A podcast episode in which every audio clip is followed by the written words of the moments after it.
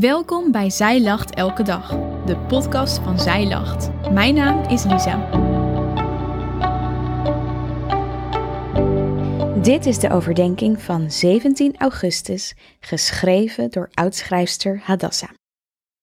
Er zijn van die mensen die geloven dat God bestaat. Ja, serieus, ook in deze tijd nog. Ze denken dat er een hoger wezen is dat deze aarde gemaakt heeft.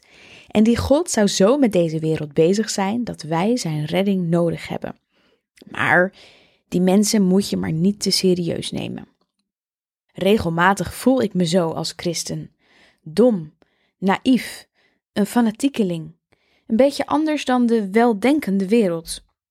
Soms vraag ik me daardoor af waarom ik eigenlijk geloof en of ik inderdaad niet een beetje raar ben. Herken jij je hier ook in? In de tijd dat Jezus rondliep op aarde, vertelde hij regelmatig voorbeeldverhalen. Zo wilde hij aan zijn luisteraars op een laagdrempelige manier zijn boodschap duidelijk maken. In een van die verhalen had Jezus het tegen zijn discipelen over een nogal bijzonder figuur. Een man die nogal naïef overkomt. Een echte fanatiekeling. Jezus gebruikt hem als voorbeeld in Matthäus 13, vers 44.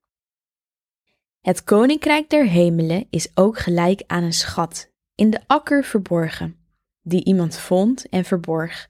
En van blijdschap daarover gaat hij heen en verkoopt alles wat hij heeft en koopt die akker. Meteen daarna vertelt Jezus nog zo'n verhaal. In Matthäus 13, vers 45 en 46 staat: Ook is het koninkrijk der hemelen gelijk aan een koopman die mooie parels zoekt. Toen hij één parel van grote waarde gevonden had, ging hij heen en verkocht alles wat hij had en kocht hem. Jezus is op dat moment bezig met de ene na de andere gelijkenis te vertellen. Allemaal gaan ze over het koninkrijk van God.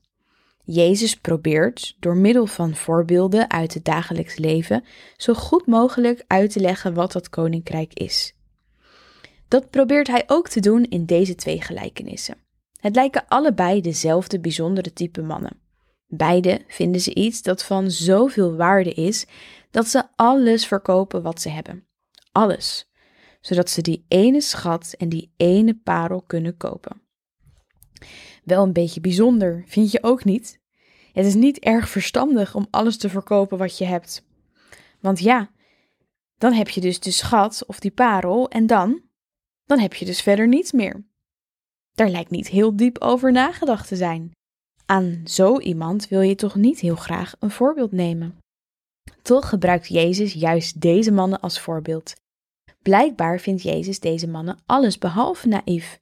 Ze hebben precies door wat er gaande is. Zij hebben ontdekt wat voor grote waarde de schat heeft die ze hebben ontdekt. Die blijkt zo waardevol te zijn dat het het waard is om er alles voor op te geven. Ze zijn niet dom, maar slim. Ze hebben door wat er in het leven het waard is om alles voor op te geven. Zo is het ook met het koninkrijk van God, legt Jezus vervolgens uit. Als je dat koninkrijk ontdekt, heb je de grootste schat op aarde gevonden. Als je de redding van God voor jou ontdekt, dan is dat het kostbaarste wat je kunt vinden. Dan zul je er alles voor over hebben om het te ontvangen, hoe naïef of dom anderen je ook zullen vinden, hoe fanatiek het ook overkomt. Het ontvangen van dat koninkrijk is alles wat je hebt waard. Zo onderwees Jezus zijn leerlingen. Hij droeg hen op om als die mannen te zijn, als die fanatiekelingen. Zo gaf hij ook zelf het voorbeeld, door alles wat hij had op te geven, om de redding die voor dat koninkrijk nodig was, te kunnen geven aan jou en aan mij. Zo ben ik het leven als christen gaan zien, als een schat in de akker, als het meest waardevolle dat ik hier op aarde kan ontdekken. Misschien kom ik naïef over, heb ik denkbeelden die achterhaald lijken of vinden mensen me dom, maar zelf zie ik dat niet meer zo. Want ik heb zoiets waardevols gevonden dat ik het niet kan laten om mij daar helemaal aan te geven, om dat koninkrijk te ontvangen, net zoals Jezus dat deed.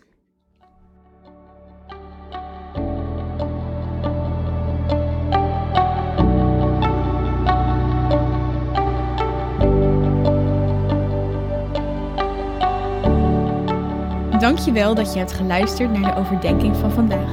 Wil je de overdenking nog eens nalezen? Check dan onze website. Je vindt daar ook nog meer toffe dingen die jou helpen om de Bijbel vaker te openen, zoals boeken, Bijbels, cursussen en evenementen.